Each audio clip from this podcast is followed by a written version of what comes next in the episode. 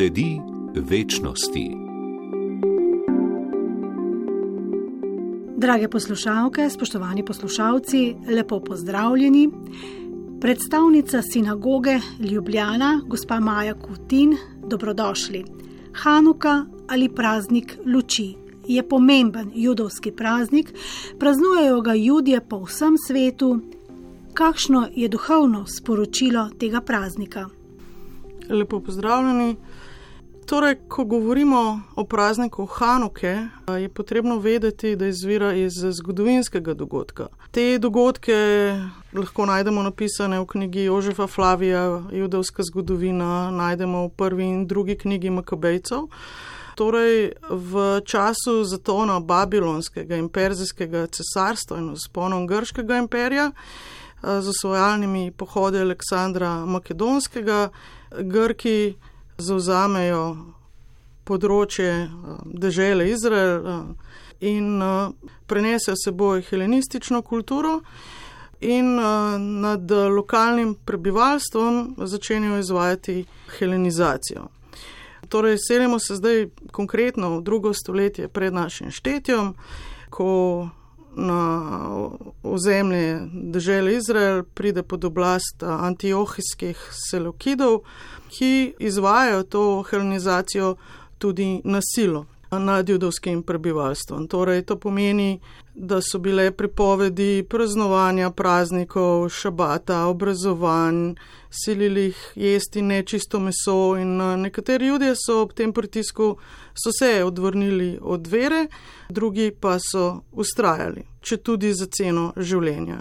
In v času vladavine Antioha IV. Epifanja je šlo tako daleč, da so v Jeruzalemskem templu postavili na daritveni oltar olimpijskega Zeusa. To dejanje pa je bilo razumljeno kot velika žalitev in oskrunjenje templa. Vsa ta dejanja pa privedejo do oboroženega odpora, ki se je začel leta 167 pred našim štetjem, ko se je duhovnik Matatjav uprl ko se ni želel klanjati grškim bogovom in svojimi sinovi in sorodniki povedal za boj za versko svobodo, tudi v enem boj za narodnostne pravice, lahko rečemo. No, po Matetjajevi smrti prevzame poveljstvo upora Juda Makabejec, ki se je izkazal za neustrašnega borca in uh, kljub malo številčnosti te uh, judovske vojske, jim je čudežno uspelo premagati bistveno večjega in močnejšega grškega sovražnika. Torej, ta mala vojska Makabajcev je porazilo silo grškega imperija in potem je ta judovska rodbina Makabejcev oziroma Hašmonejcev vladala skoraj sto let neodvisnemu hebrejskemu ljudstvu do prihoda Rimljanov. Da se vrnemo zdaj na Hanuko. Zakaj se praznik imenuje praznik Hanuka oziroma praznik luči? Po zmagi Makabejcev so ponovno posvetili Jeruzalemski tempelj, odstranili Zeusa. V templu je stala menora, to je sedemramni svečnik. Ta svečnik pa se je prižigal z obredno čistim olivnim oljem s pečatom velikega duhovnika. Zdaj, beseda Hanuka v hebrejščini pomeni posvetitev ali inauguracija. Torej, ko so ponovno posvetili tempelj za judovsko bogoslužje, je ta količina čistega olja, ki so ga našli v templu, zadostovala, da bi ta menora gorela le en dan. Vendar je čudežno gorela kar 8 dni. To jim je seveda omogočilo pripraviti novo obredno čisto olje in v počastitev tega čudeža da je menora gorela 8 dni, se v vsaki družini 25. kisleva, se pravi hebrejski koledar, mesec kislev, začne praznovati ta praznik Hanuka, ki se praznuje 8 dni, kot je 8 dni čudežno gorela menora v templju. Skratka, ljudje po vsem svetu obujajo spomin na ta čudež, tako da vsak večer prižgejo eno svečo. Na svečniku lahko pojasnite, kako se eh, prižigajo te svečke, in v bistvu gre za zunanje znamenje praznovanja praznika luči oziroma Hanoke? Ja, torej, če bi šteli, koliko ram je na menori, bi jih prešteli sedem. Hanukija, ali v angleščini reče tudi menora za Hanuko, jih ima skupaj devet. Torej, izgled Hanukije spominja na menoro, ki je bila v templju, ki ima sedemramni svečnik. In ko se prižigajo svečke, se prižigajo vsak dan uh, dodatna svečka, tako da zadnji dan gori osem svečk. Razlika med devet in osem pa je v tem, da se en, ena svečka je v vlogi šamaša, lahko rečemo neke vrste sluge, uh, s katerim se prižigajo ostale uh, svečke. Torej, uh, v nedeljo uh, bo zadnji dan praznika, ko se prižgejo vseh osem svečk in uh, s tem se zaključi praznovanje Hanuke. Gospa uh, Kutin, vi ste preživeli v Izraelu 12 let, torej ste doživeli kar nekaj teh prazničnih dni. Kakšni pa so običaji, kako ljudje, običajni ljudje praznujejo ta praznik? Torej, Hanuka je eden izmed bolj veselih praznikov, barvitih, lahko rečemo, sproščenih, za razliko od kakšnih drugih eh, praznikov, kot so Rošašana, torej Novo leto, Jom Kippur, Dan sprave, Pesah, Pasha, eh, pa ni praznik, ki bi bil dela prostih dni. Edino otroci imajo tisto obdobje počitnice. Zdaj, 25. Eh, kislev nekako se upada med novembrom in decembrom, torej to so že dnevi, ko je zima, ko so krajši dnevi in seveda soj luči vedno doda neko svojo posebno atmosfero. V vsaki družini je potrebno prižgati hanukijo, torej kjer je več otrok, ima potem tudi vsak otrok svojo hanukijo in te hanukije se postavijo na okno, tako da pogled do kakšnih eh, četrtih je lahko zelo lep, ko več eh, hanukij gori in osvetljuje v resnici tudi na cesto. Od drugih običajev, ker smo omenili čudež olja, je ta simbolika prisotna tudi v hrani. Namreč je se hrana, ki je odsvrta v olju, naprimer najbolj znani so krofi. Druga hrana so neke vrste krompirjeve palačinke, prav tako ocvrte v olju. Sveda otroci imajo radi krofe zadnje čase, ker da starejši ne bi preveč posnemali uh, otrok, vemo danes, da olje ni najbolj uh, zdravo, se je razvila šala, da krofi niso antibiotika, ki bi jih lahko jedel dvakrat na dan ali več. Šala na stran, poleg krofov je še dodatna simbolika v obliki igračke vrtavke, v jidišu se ji reče dreidel. Ta vrtavka ima štiri strani, na vsaki strani je hebrejska črka, ki ponazarja stavek Nes gadol haja po. V prevodu bi to pomenilo: Veliki čudež se je zgodil tukaj. Vrtavke, ki jih uporabljajo v diaspori, imajo mehko razliko, veliki čudež se je zgodil tam. In otroci dobijo za praznik Eh, Hanuka tudi Hanuka Geld, to je lahko čokoladni denar zavit eh, v eh, zlatim uvojem, lahko je pa tudi pravi denar in s tem denarjem se lahko potem igrajo s to vrtavko, imajo pa tudi možnost, da se naučijo darovanja, da ta denar, ki ga dobijo, tudi darujejo za dobrodelne namene. Hvala za ta zanimiv opis, eh, torej kako ljudje praznujejo ta veseli praznik. V bistvu, ne, kot ste dejali, vemo, da v Sloveniji živi tudi peščica judov, povezana je v judovsko skupnost eh, Slovenije. Ta je odprla v sodelovanju z skupnostjo iz Graca, iz Avstrije, eh, sinagogo v Ljubljani, novo molilnico, ki je do zdaj ni bilo v Ljubljani. Zanima me, ali bo judovska skupnost eh, Slovenije tudi na nek način praznovala Hanuko. Ja, Hanuka se uh, zadnja leta obeležuje tudi skupaj. Razvil se je običaj, da se prižiga velika minora, ne samo v domačem krogu, temveč tudi v mestih, kjer ljudje bivajo. In torej v nedeljo bo prižig vseh osmih svečk na veliki Hanukiji.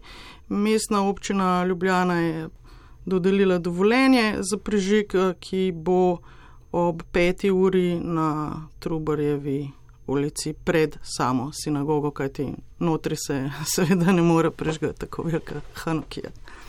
Gospa Maja Kotin, Ali obstaja kakšen podatek, koliko judov živi v Sloveniji, koliko ljudi se opredeljuje za judovsko veroizpoved? Vemo, v Evropi živi približno milijon in pol ljudi, pripadnikov judovske skupnosti v Evropi.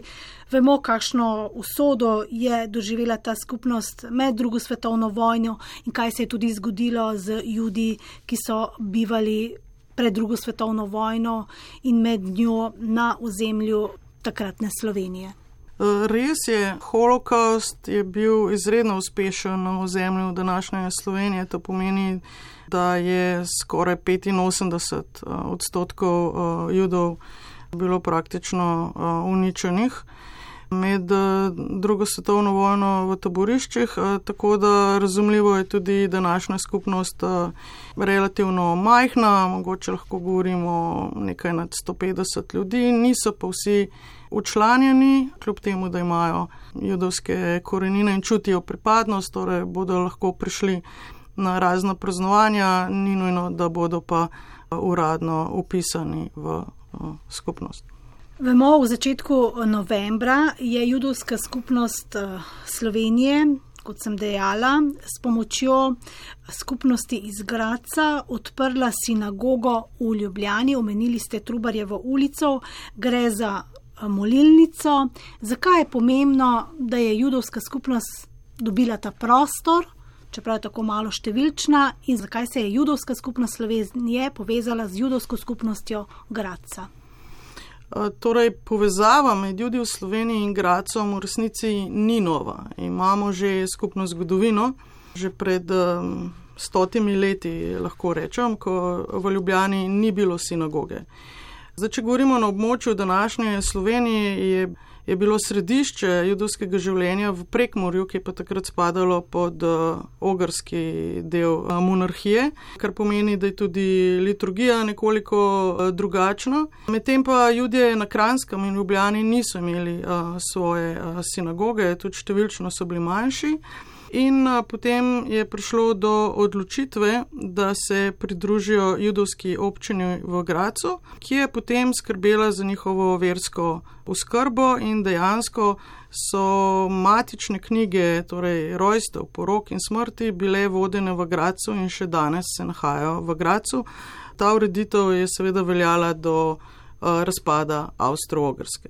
In ker eh, se judovska skupnost eh, po osamosvojitvi Slovenije eh, ponovno bila ustanovljena, seveda je obstajala tudi že za časa socialistične Jugoslavije. V času osamosvojitve je imela svoje prostore na Tržaški, ki jih je pa potem bila primorana se od njih posloviti in je nekaj časa gostovala z molilnico oziroma sinagogo drugod, torej ni imela stalne rešitve in ta se je zdaj nakazala s tem, da je judovska občina v Gracu bila pripravljena pristopiti na pomoč sestrski občini v Ljubljani pod kriljem njenega predsednika, ki se je zelo zauzel za to rešitev, Eli Rozen, ki sedaj upravlja sinagogo v Ljubljani za judovsko skupnost v Sloveniji. Skratka, judovska skupnost v Sloveniji je dobila svoje prostore, vemo pa, da stoji ta še dve sinagogi v Lendavi in potem v Mariboru, ki pa sta predvsem kulturna centra, kjer se dogajajo kulturni dogodki. Ja, kadar govorimo o sinagogi, delujoči sinagogi, da bi sinagoga bila sinagoga, mora imeti zvitek tore in seveda najmanj deset moških, da bi skupnost lahko obstajala. To, kar ste omenili, gre seveda za zgodovinske stavbe. V Mariboru gre za stavbo iz srednjega veka, velja tudi za drugo najstarejšo stavbo sinagoge v Evropi. Najstarejša se nahaja v Pragi, se imenuje Alte Noe, vendar tista je delujoča, medtem ko pa sinagoga Maribor je danes v državnih rokah, je zaščitena in se ukvarja z dediščino judov na slovenskem, torej kulturni center. Prav tako sinagoga Lendava, kjer je poslopje sinagoge bilo ohranjeno, za razliko od Murske sobote, kjer je bila sinagoga uničena po vojni. In sinagoga v Lendavi je bila obnovljena in prav tako deluje kot kulturni prostor za razne prireditve, dogodke, v njej pa tudi se nahaja stalna razstava, ki je posvečena holokaustu v Sloveniji, seveda s poudarkom skupnosti v Prekmorju, ki je bila najštevilčnejša. Tako je do začetka oziroma do sredine druge svetovne vojne. Gospa Maja Kutin, vrniva se k sinagogi Ljubljana, govoriva o prostoru, kot ste dejali, tam mora biti sveta knjiga judov, torej Tora v njej. Kaj še lahko ljudje vidijo v sinagogi v Ljubljani? Torej, sinagoga je klasično opremljena kot ortodoksna sinagoga, torej ima molitveni prostor, ki je deljen za moške in ženske za moške je približno kapaciteta 45 ljudi, za ženske 25. Obstaja tudi kuhinja, v kateri se lahko sedaj kuha v skladu z košer principi. Recimo lesene klopi, ki so v sinagogi, so prišle iz kibuca v Izraelu, kibuc Lavi. Potem je sveto skrinjo, je delo avstrijsko-štarskega podjetja, medtem ko pa modra zavesa, ki stoji pred Ron Kodešem oziroma tako imenovano sveto skrinjo, kjer je zvitek Tore, je pa narejena po zamisli slovenskega modnega oblikovalca Matica Velerja. Potem so še drugi prostori, salon, soba za kiduš, kot veste, se recimo šabat in še kakšni drugi prazniki po molitvi sledi skupni obrok, tako da se lahko skupno zbere in druži, seveda upravni prostori, tako da vse, kar osnovne stvari, ki jih skupnost potrebuje za svoje delovanje. Kdaj pa bo prisoten rabin v sinagogi Ljubljana? Rabin prihaja na večje praznike, pa želja je, da bi prihajal sedaj vsaj dvakrat mesečno za šabat. Trenutno zaradi situacije in pandemije je to nekoliko okrnjeno, kajti držijo se načela pikuah nefeš. To v judovstvu pomeni, da je ohranjanje življenja in skrb za drug za drugega, za zdravje pomembnejše kot obredna upravila. Kot je bil čutež Hanuke, upamo, da bo tudi pandemija nas kmalo zapustila in se bodo obredi lahko nemoteno izvajali. Gospa Maja Kutin, predstavnica sinagoge Ljubljana, hvala za ta pogovor in z vašo željo končujeva najno srečanje. Hvala tudi vam. Drage poslušalke, spoštovani poslušalci, hvala za pozornost.